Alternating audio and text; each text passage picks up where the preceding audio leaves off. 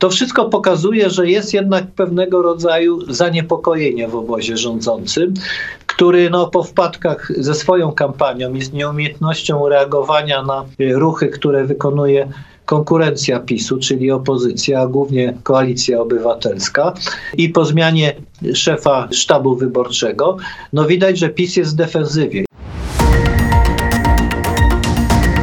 Machina władzy. Witam w 39. odcinku drugiego sezonu podcastu Radia Z Machina Władzy, podcastu, w którym analizujemy najważniejsze wydarzenia w Polsce i na świecie. Nazywam się Mikołaj Pietraszewski, a moim Państwa gościem jest senator niezależny Jan Maria Jackowski. Dzień dobry panie senatorze. Dzień dobry panu redaktorowi, dzień dobry państwu. Nie tylko niezależny, ale przede wszystkim niezrzeszony. To jest mój formalny status, bo nie jestem członkiem żadnego koła ani klubu parlamentarnego. Też żadnej partii politycznej. To prawda, był pan przez e, dłuższy czas związany z klubem Prawa i Sprawiedliwości, ale od zeszłego roku już pan jest rzeczywiście niezależny i niezrzeszony. Tak jest. Jarosław Kaczyński wraca do rządu. Prezes PiS został mianowany w tym tygodniu przez Andrzeja Dudę wicepremierem. Jest teraz jedynym tej rangi członkiem gabinetu Mateusza Morawieckiego. Dlaczego to robi i dlaczego teraz? No dlatego, że trwa kampania wyborcza, dlatego, że rząd, który teoretycznie steruje y, pan Mateusz Morawiecki, prezes Rady Ministrów, jest jest rządem wyjątkowo rozbuchanym, rozdętym w sensie personalnym. 100 osób. Ponad 100 osób, zdecydowanie ponad 100 osób, który pełni funkcję ministrów konstytucyjnych, y, sekretarzy stanu, podsekretarzy stanu, różnych funkcji pełnomocników i kierowników y, centralnych y, urzędów. I z tego punktu widzenia to jest rzeczywiście największy rząd w dziejach III RP. Co więcej, w tym rządzie taka jest struktura, że kompetencje się pokrywają, bo są mianowani pełnomocnicy premiera do poszczególnych tematów. Y, I tak na przykład jest minister konstytucyjny bez teki, pani minister Ścigaj, która się zajmuje imigrantami, a ściślej Ukraińcami w Polsce od strony społecznej, ale od strony takiej urzędowo-administracyjnej jest pełnomocnik premiera w postaci pana wiceministra Pawła Szafernakera, który jest y, też pełnomocnikiem do tych spraw. I Jednocześnie wicemi wiceminister spraw wewnętrznych. Spraw wewnętrznych, tak, i administracji. Więc y, to pokazuje, że ta struktura nie jest racjonalna. Ona wynika z uwarunkowań politycznych, że obóz Zjednoczonej Prawicy to są grupy, podgrupki, to są różni koalicjanci, różne elektrony, które orbitują wokół y, Prawa i, Spra i Sprawiedliwości. Każdy z nich musi mieć jakiś realny, przynajmniej domaga się realnej, realnego wpływu czy uczestnictwa we władzy czyli jakiś segment rządu, tak? I niektóre partie mają cały resort, inne pół resortu, ktoś inny ma trzy czwarte w jednym, a jedną czwartą w drugim. Jakaś grupka ma jeszcze jakieś tam obszary, na przykład republikanie nadzorowali ten NCBR, tak słynny, który wzbudzał, y, czyli Narodowe Centrum Badań i Rozwoju, z którego ogromne pieniądze w sposób wyjątkowo kontrowersyjny miały być wy, wydawane. No więc y, trudno nad tym wszystkim zapanować, tym bardziej, że jest jeszcze chaos w klubie Prawa i Sprawiedliwości. No i uznano, że już w takim razie y, Jarosław Kaczyński ma ściągnąć cugle i, że tak powiem, y, udrożnić to funkcjonowanie rządu. No i został pewnego rodzaju takim y, komisarzem politycznym, a ta struktura, że pierwszy zastępca premiera jest w zasadzie osobą numer jeden, to nie jest. Y, ja byłem w wojsku akurat. No, w wojsku zawsze był po Jaruzelskim, po zmianach, bo ja byłem w okresie PRL-u przymusowo w wojsku i po zmianie regulaminów y, wojskowych bardzo ważną rolę w jednostkach odgrywali zastępcy dowódcy do spraw politycznych. Y, I często oni mieli ważniejszą rolę niż faktyczny dowódca danej jednostki wojskowej. Co więcej, do nich spływały wszystkie żale żołnierzy, którzy mogli z pominięciem drogi służbowej udać się do takiego zastępcy i na przykład powiedzieć, co im na wątrobie leży i dlaczego im się ich bezpośredni dowódca nie, nie, nie podoba.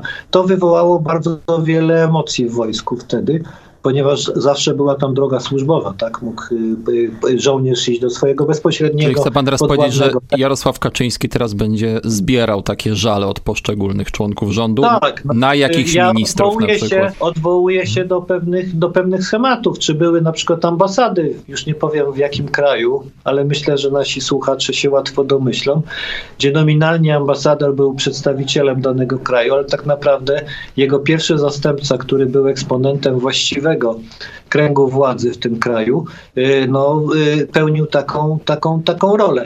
Więc y, coś podobnego mamy, mamy obecnie, tylko w takiej swoistej adaptacji.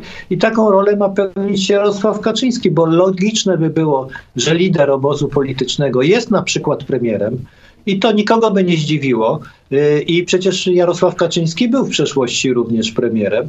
A taka konstrukcja bycia wicepremierem, czyli co? Czyli teoretycznie jest, ma szefa w postaci premiera.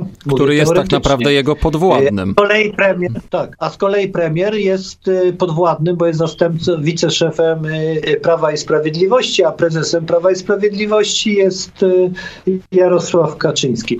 Brzmi Więc to dość to wszystko, wszystko kuriozalna struktura. To jest no, struktura być może z punktu widzenia y, kampanii wyborczej została uznana przez kierownictwo tego obozu politycznego za jedyny kierunek. Przypomnijmy, że Jarosław Kaczyński rok temu odchodząc z rządu, bo był przecież wicepremierem do spraw bezpieczeństwa. Tak, specjalnie utworzone wtedy, dla, dla, niego stanowisko wtedy. Mówiło się, że odchodzi dlatego, że się zbliżają wybory i trzeba y, no, zarządzać partią i musi się na tym skoncentrować, czyli siedzieć na Nowogrodzkiej i pilnować partii. A w tej chwili się okazało, że zbliżają się wybory, partia już nie wymaga może takiego nadzoru, ale trzeba nadzorować rząd, tak, i ściągnąć strugle w rządzie. To wszystko pokazuje, że jest jednak pewnego rodzaju zaniepokojenie w obozie rządzącym, który no, po wpadkach ze swoją kampanią i z nieumiejętnością reagowania na y, ruchy, które wykonuje konkurencja PiSu, czyli opozycja, głównie koalicja obywatelska. I po zmianie szefa sztabu wyborczego, no widać, że PiS jest w defensywie. I generalnie problem PiSu teraz jest taki, że te wszystkie chwyty socjotechniczne, które działały w roku 2015, zupełnie inaczej y, pracują w roku 2020. No właśnie, chciałbym do tego. Dają efektywności. No właśnie, chciałbym do tego nawiązać, bo z jednej strony wraca Jarosław Kaczyński, z drugiej zmiana szefa sztabu wyborczego z europosła Tomasza Poręby na innego eurodeputowanego Joachima Brudzińskiego. Z trzeciej strony zapowiedź referendum w sprawie relokacji migrantów, to też nawiązanie do ostatniej decyzji Komisji Europejskiej. Mój pan o 2015 roku. Czy spodziewa się pan, że tej kampanii PiS będzie stawiał na zgrane karty, że to, że na przykład właśnie Joachim Brudziński, czyli zaufany żołnierz prezesa, został szefem sztabu wyborczego, że znów pojawia się kwestia migrancka, że znów ten Jarosław Kaczyński, który ma niby uspokoić sytuację pomiędzy Morawieckim, pomiędzy e, Ziobrą, różnymi tam frakcjami, że PiS będzie chciał jednak odwołać się do tych zwycięskich kampanii, ale no właśnie nie proponując nic nowego. Przynajmniej na razie nie pojawiły się nowe pomysły, bo te pomysły, które były, no te 800+, plus, tak, darmowe autostrady, które już zostały tam przyjęte w parlamencie. A mówię, mówiąc potocznie, nie zatrybiło w sondażach, jeśli chodzi o te zapowiedzi. Czy inne zapowiedzi, które do tej pory padały, które wydawały się, że mają być takim wehikułem, który pomogą w notowaniach y, y, Prawa i Sprawiedliwości, to nie zadziałało. Y, no i teraz jest próba przywrócenia do sprawy migrantów, tak, imigrantów, też do 2015 roku, kiedy to mocno zadziałało. Co tu dużo mówić, to był wtedy bardzo istotny motyw tamtejszej kampanii wyborczej i, i, i to działało. Natomiast teraz jest zupełnie inna sytuacja z bardzo prostej przyczyny, że jeżeli ktoś by prześledził, ilu obywateli niepolskich mieszkało na terytorium Rzeczypospolitej Polskiej w roku 2015 i porównał to, ilu niepolskich obywateli czy przybyszów z innych krajów czy z innych kontynentów bo jest ich coraz więcej w Polsce, mieszka obecnie, to by się okazało, że mamy zupełnie inną strukturę, że to już około 10% mieszkańców Polski to już są przybysz, to, to już nie są y, y, pierwszego obywatelstwa obywatele Polski. Y, I z tego punktu widzenia zmienił się ten pejzaż i PiS prowadzi jedną z najbardziej liberalnych polityk migracyjnych powiedziałbym nawet takich polityk nieprzemyślanych, bo inne kraje owszem prowadzą, ale mają jakieś założenia typu, że przyjmujemy lekarzy, przyjmujemy jakieś grupy zawodowe, mamy jakiś model inkulturacji, mamy jakiś model adaptacji, yy, mamy jakieś programy w tym zakresie i tak dalej, i tak dalej. Polska nie ma. Przez 8 lat nie wypracowano. Poprzednicy też nie wypracowali, ale PiS przez 8 lat też nie wypracował yy, takiej polityki yy, migracyjnej imigracyjnej imigracyjnej, która byłaby przedyskutowana i pokazywałaby kierunki działań państwa i sposób działania państwa w tym, y, z tymi wyzwaniami. No ale teraz próbuje się właśnie odwołać do tych emocji. Y, I Pytanie, czy te emocje w, w społeczeństwie wciąż są? Znaczy na pewno te emocje są. Mało tego, paradoks jest taki, że w tej chwili pojawiło się y, ponad milion uchodźców z Ukrainy. No i teraz właśnie pytanie, czy polskie społeczeństwo po doświadczeniach właśnie migracji uchodźców z Ukrainy, pomocy również Ukraińcom uciekającym przed wojną, czy dałoby się znowu złapać na ten wabik antyimigracyjnej retoryki Prawa i Sprawiedliwości? Tutaj badania pokazują, że się zmienia nastawienie Polaków do Ukraińców, tak? Z takiego no, afirmatywnego sprzed ponad roku w tej chwili oczywiście zdecydowana większość mówi, że trzeba pomagać Ukraińcom, ale tu już są bardzo zdania podzielone i są obawy, i to badania wykazują, że y, część, znaczna część y, społeczeństwa obawia się przeciążenia naszych systemów i usług publicznych, tak, systemu zdrowia i innych, innych tam systemów i już inaczej patrzy na te problemy. Ja nie chcę w tej chwili w to szczegółowo wchodzić, więc w tej chwili wejście w taką ostrą retorykę antyimigracyjną może spowodować y, bardzo poważne skutki również w aspekcie naszych relacji, y, nawet z naszymi sojusznikami, a przede wszystkim z Ukrainą, tak, z której obywatele do Polski przyjeżdżają. Więc to jest w sumie no, takie powiedziałbym bardzo ryzykowne działanie z punktu widzenia obozu władzy. Co innego jest dyskutować o polityce migracyjnej, przedstawić jakiś dokument, jakieś założenia, przeprowadzić na ten temat debatę w parlamencie, przygotować jakieś stosowne rozwiązania ustawowe, w tym zakresie, przedyskutować to, przeprowadzić. To by było działanie normalnego państwa w obecnej sytuacji, tu i teraz, anno domini 2023. Natomiast rzucenie tego pomysłu przy tych jeszcze wątpliwościach, że przecież Polska pomagając Ukraińcom może być wyłączona z tego mechanizmu przymusowej relokacji i przy założeniu, że co do zasady przymusowej relokacji to wszystkie największe środowiska polityczne w Polsce są temu przeciwne, tak? Łącznie z największymi partiami y, opozycyjnymi. No to po co to referendum w takim razie? No, to referendum to jest taki pomysł gorączkowy, gorączkowe poszukiwanie jakiejś przestrzeni, w której można by odwrócić ten trend, o którym miałem powiedzieć, ale jeszcze nie powiedziałem w naszej rozmowie. Otóż, jeżeli już jesteśmy przy wojsku y, i jeżeli jesteśmy już przy y, taktyce, to istnieje coś takiego jak Y, inicjatywa strategiczna. Ta strona, jeżeli porównamy do pola walki kampanię wyborczą, to ta strona, która ma inicjatywę strategiczną, która nawet może być słabsza, ale ma tę inicjatywę, i narzuca scenariusz y, y, e, działań na tym teatrze wojennym, jest y, w dużo lepszej sytuacji niż ta, która jest strona, która jest reaktywna. I PiS do tej pory się przyzwyczaił do tego, że miał inicjatywę strategiczną. To PiS narzucał narrację w Polsce, tak? Rzucał jakiś temat, opozycja się na niego rzucała, tak czy inaczej, no i PiS później to komentował, mówi, no widzicie, co to za opozycja, oni nic innego nie mogą, tylko mówią na wszystko nie i tak dalej, i tak dalej. I do tego się PiS przyzwyczaił Natomiast w tej chwili się okazało, że PiS stracił przynajmniej w toku po 4 czerwca tę inicjatywę strategiczną i to opozycja zaczyna trochę narzucać, czy już nie jest taka reaktywna, jak była do tej pory i, i, i próbuje wejść ze swoją agendą. Co więcej, to znajduje posłuch społeczny, no bo jednak y, manifestacja 4 czerwca to nie była mała manifestacja, to była prawdopodobnie największa manifestacja polityczna po 89 roku. Od 300 do 500 tysięcy podobno. Tak, no ja tutaj nie, nie będę się wymądrzał, ile było dokładnie, różne liczby tu padają, no ale co do tego, że była to największa, czy jedna z największych, to chyba nikt nie ma co do tego wątpliwości.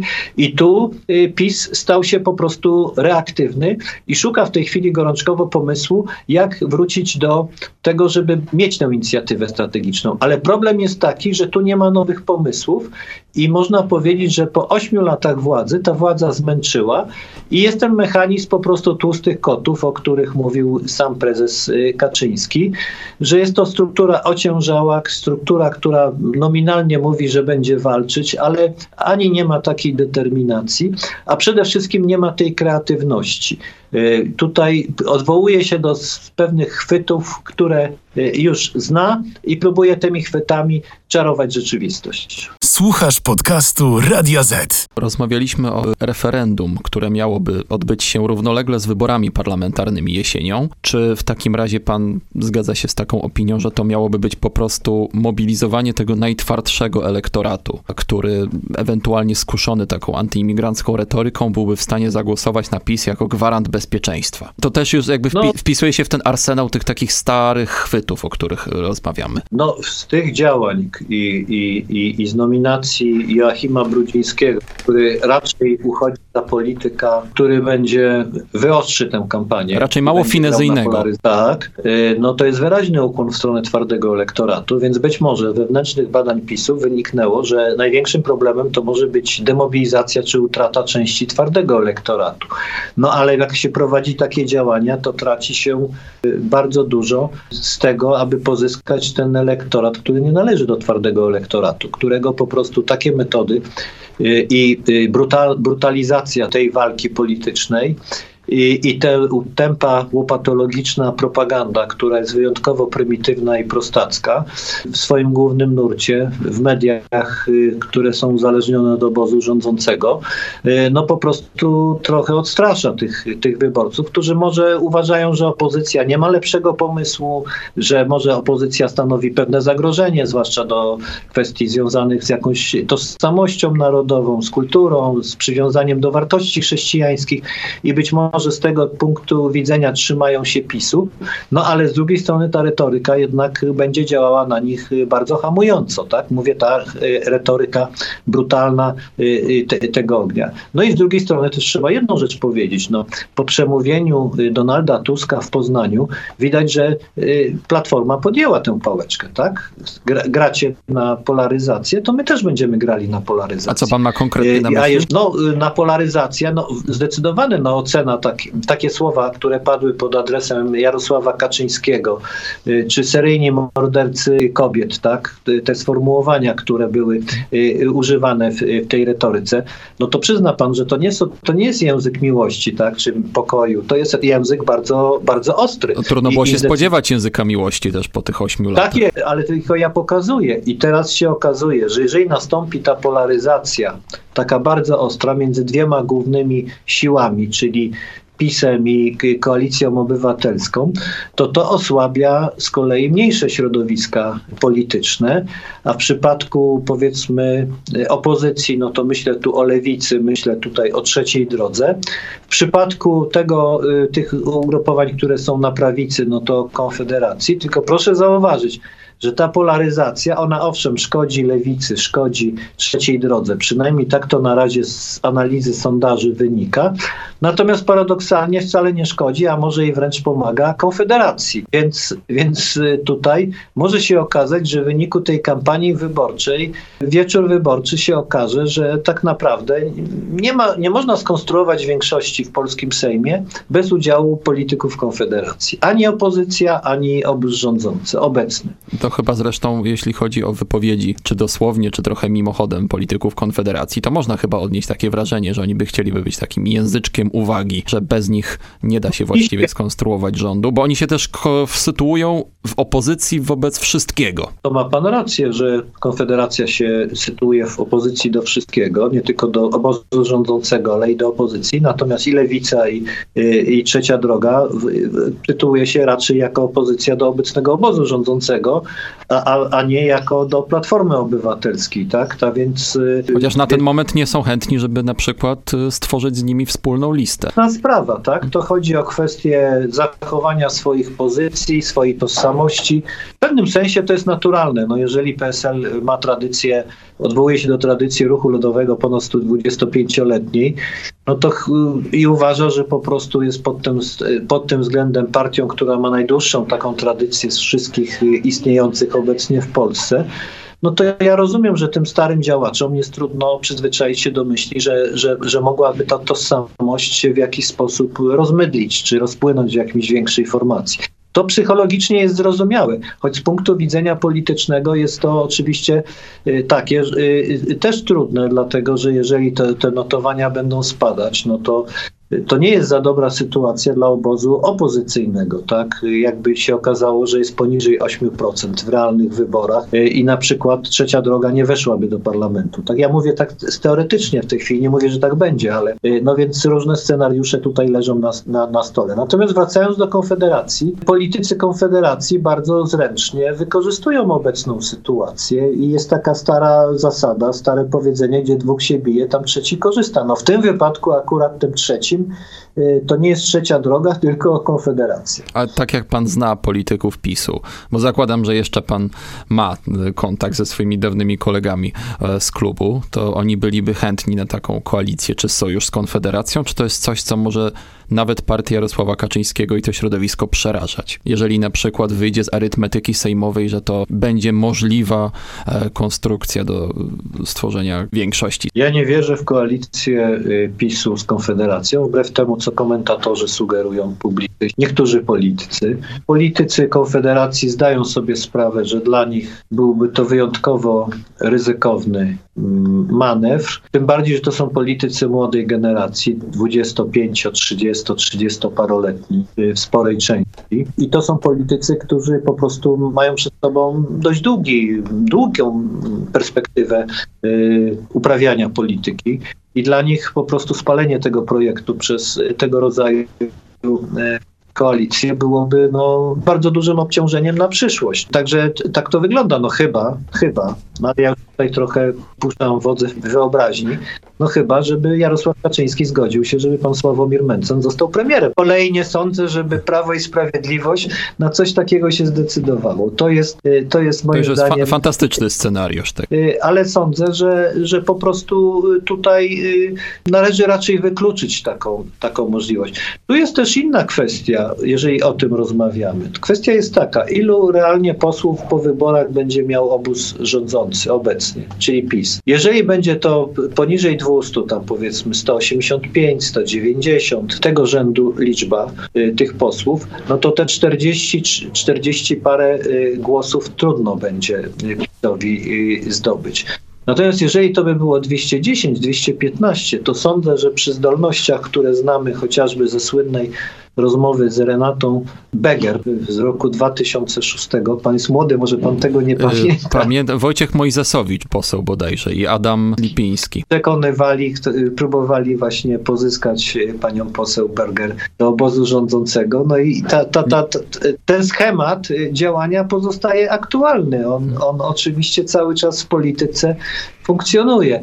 E, no więc e, takich 20 parę czy 25 e, takich rozmów mogę sobie wyobrazić. Ale tylko z politykami Konfederacji, czy z jakichś innych ugrupowań również? Nie, z innymi też. Tu, tu już też by były indywidualne sytuacje to, to jestem sobie w stanie wyobrazić. I przy tych zdolnościach, nazwijmy to korupcji politycznej, jaką ma obecny obóz rządzący, mówię w cudzysłowie korupcji y, y, politycznej, to sądzę, że nawet udałoby się y, wtedy być może zebrać te 231 głosów. Więc to, to takie, jest, nazwijmy to, pole manewru obozu rządzącego. Natomiast strukturalna koalicja między Konfederacją a PiSem, moim zdaniem, jest bardzo, bardzo, bardzo mało prawdopodobne. To ja jeszcze zapytam, bo pojawiają się takie teorie w mediach tradycyjnych, w mediach społecznościowych i to nie tylko ze strony anonimowych internautów, ale też ludzie z nazwiskami tak piszą, chociażby Roman Giertych, że wejście Jarosława Kaczyńskiego do rządu może być symptomem przygotowania gruntu były jakieś ekstraordynaryjne działania. Tu nawet się pojawiają takie hipotezy o przełożeniu wyborów, o wprowadzeniu stanu wyjątkowego w przypadku, gdyby sytuacja sondażowa Prawa i Sprawiedliwości nie wskazywała na, na wygraną. Czy pan wierzy w ogóle w takie hipotezy, czy w ogóle jest sens rozpatrywać je na poważnie? Ja uważam, że sens jest. Co więcej, przed tymi osobami, które, które pan wspomniał, już nawet w ubiegłym roku o takim scenariuszu publicznie mówiłem, odwołując się chociażby do wywiadu sprzed wielu miesięcy pana prezesa Kaczyńskiego w jednej z rozgłośni regionalnych publicznych, których na pytanie dziennikarza, czy będą przedwczesne wybory, no bo wtedy takie spekulacje się pojawiały, czy na wiosnę tego roku nie, nie miały być przedwczesne wybory, powiedział że raczej takich wyborów na pewno nie będzie, natomiast zasugerował, że nie można wykluczyć, że gdyby sytuacja tego wymagała, no, no to jakiś y, stan szczególny by się pojawił, no to wtedy by mogły być przesunięte poza ten termin konstytucyjny, poza przełom października, listopada tego roku. I sądzę, że te słowa nie straciły z aktualności. Pierwszą moją myślą, jak pojawiły się spekulacje i doniesienia o tym, że Jarosław Kaczyński miał wejść do rządu, y, to była taka myśl, że być może jest to również budowanie planu B czy planu C awaryjnego w postaci właśnie tego, o czym my w tej chwili rozmawiamy. I tego wykluczyć nie można.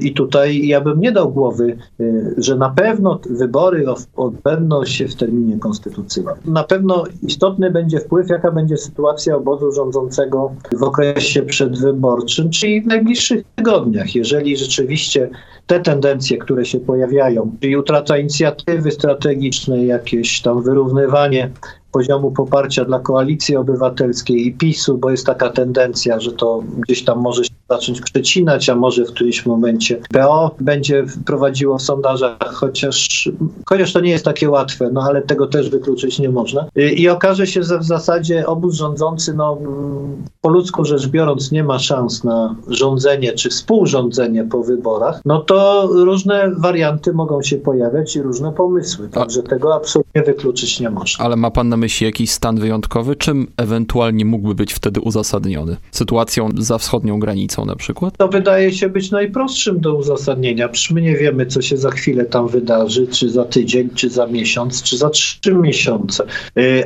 a może tam dojść do eskalacji napięcia. Mało tego. Jeżeli by się pojawiły na przykład jeszcze jakieś rakiety, takie jak ta, która pod Bydgoszczą spadła, y, notabene to było dla obozu rządzącego też bardzo bardzo poważny kryzys wizerunkowy. PiS zresztą się... długo, długo ukrywał informacje na ten temat. Tak, to się okazało, że wbrew propagandzie oficjalnej to wcale my nie jesteśmy tacy bezpieczni. Taka rakieta bezkarnia może sobie po prostu przylecieć. No była to, był to tak zwany wabik, tak, czyli bez ładunku Y, rażącego, no ale łatwo sobie wyobrazić, co by było, gdyby, było, gdyby to była uzbrojona rakieta, tak, w jakikolwiek łady, czy konwencjonalny, czy biologiczny, czy nie daj Boże jeszcze jakiś. Więc, y, więc y, tego typu sytuacje mogą się pojawić i wtedy one będą dawały bardzo prostą argumentację. Co więcej, nawet zdecydowana większość opinii publicznej przyzna rację, no, że w takiej sytuacji to nie można e, przeprowadzić w spokoju wyborów, e, no i należy ten termin po prostu przesunąć. Nawet sądzę, że byłaby do takiego, przy, nie daj Boże, ale przy takiej sytuacji pewnej eskalacji napięcia, to sądzę, że wokół tego byłby nawet dość duże zbliżenie stanowisk między opozycją a obozem rządzącym. Czyli w sensie, że nie wywołałoby to protestów opozycji albo na przykład manifestacji. Jeżeli to by było uzasadnione i rzeczywiście no, byłyby ku temu racjonalne podstawy, no to sądzę, że opozycja by się nie upierała, żeby w cieniu tej wojny i jakiejś tam eskalacji przeprowadzać w Polsce wybory.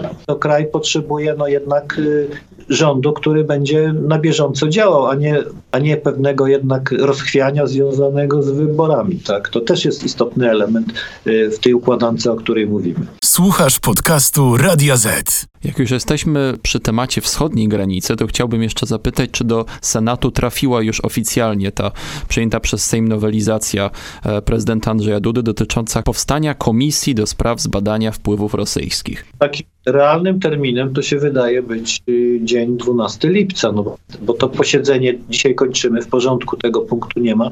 Komisje się tym nie zajmowały, a 12 15 lipca to jest po pierwsze, to się mieści w terminie, bo to będzie jakieś 26-27 dni po wyjściu tej ustawy z Sejmu, a więc w 30-dniowym terminie, który daje konstytucja, Senat tutaj się mieści. Y, a po drugie, jak pan marszałek Grodzki słusznie zauważył, y, no będzie na pewno ogromna dyskusja na ten temat i analizy.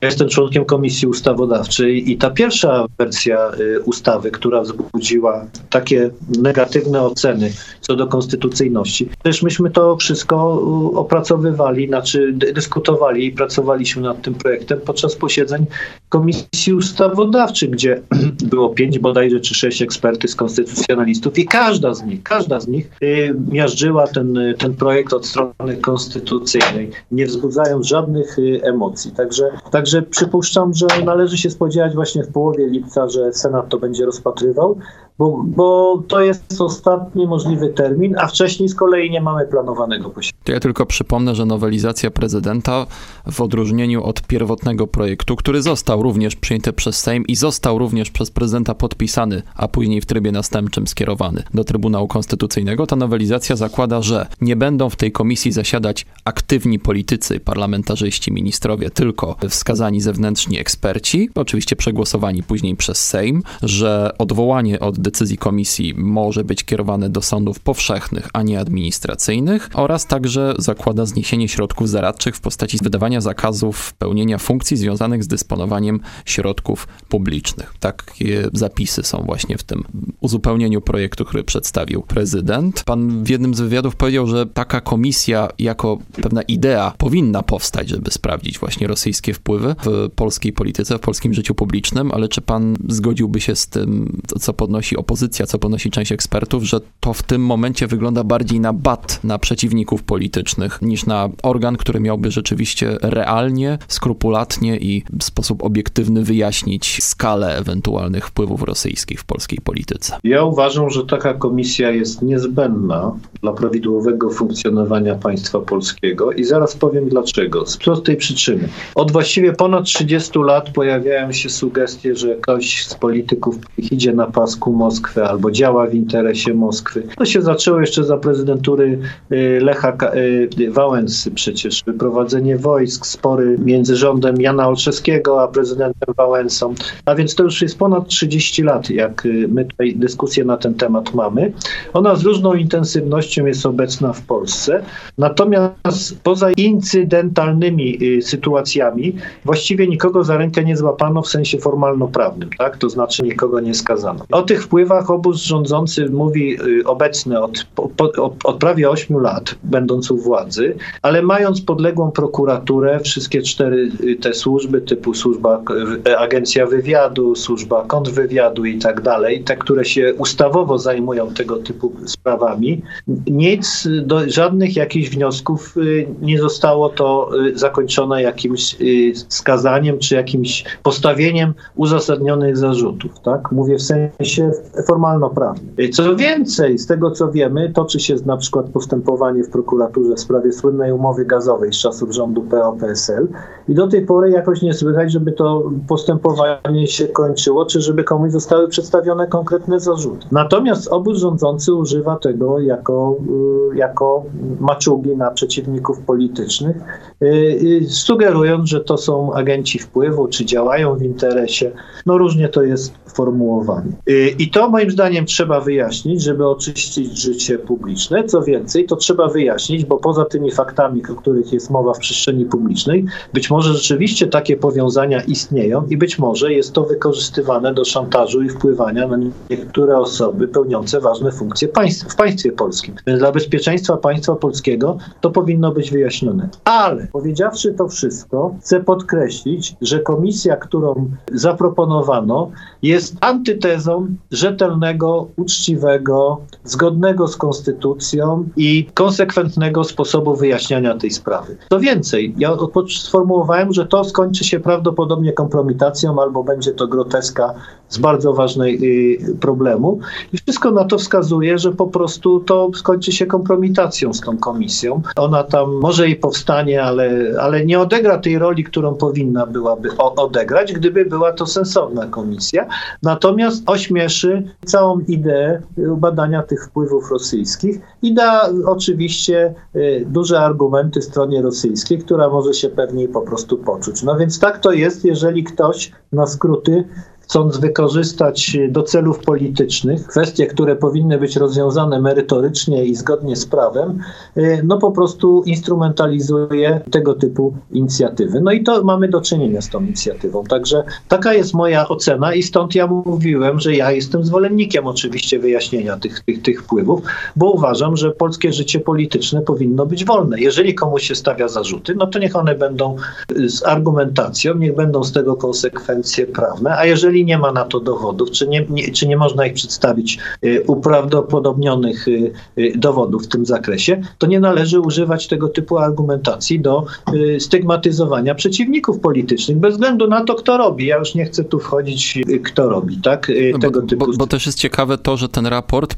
ten pierwszy raport komisji ma być gotowy 17 września, czyli de facto, biorąc pod uwagę harmonogram i prac Senatu, i prac Sejmu dotyczący ewentualnego wyboru członków tego organu, no to tak naprawdę te obrady, nie dwa miesiące minęłyby od momentu wy- wybrania składu do momentu... W tej wersji, która wyszła z Sejmu, już zdaje się nie ma tego 17 września, z tego się wycofano, ale nie wycofano się z bardzo groźnej rzeczy, mianowicie, o której nie mieliśmy okazji jeszcze powiedzieć, mianowicie, że członkowie tej komisji nie podlegają żadnym rygorom prawnym. To znaczy nie mogą z tytułu zasiadania tej, w tej komisji, nawet jeżeli na zamówienie polityczne będą brali udział i tak pracowali, żeby zrealizować wolę y, decydenta politycznego y, przy wykorzystaniu autorytetu tej komisji, nie mogą z tego tytułu ponosić żadnej odpowiedzialności prawnej w chwili, gdy zasiadają w komisji, ani po tym, jak już przestaną zasiadać w tej komisji. No to jest kuriozum.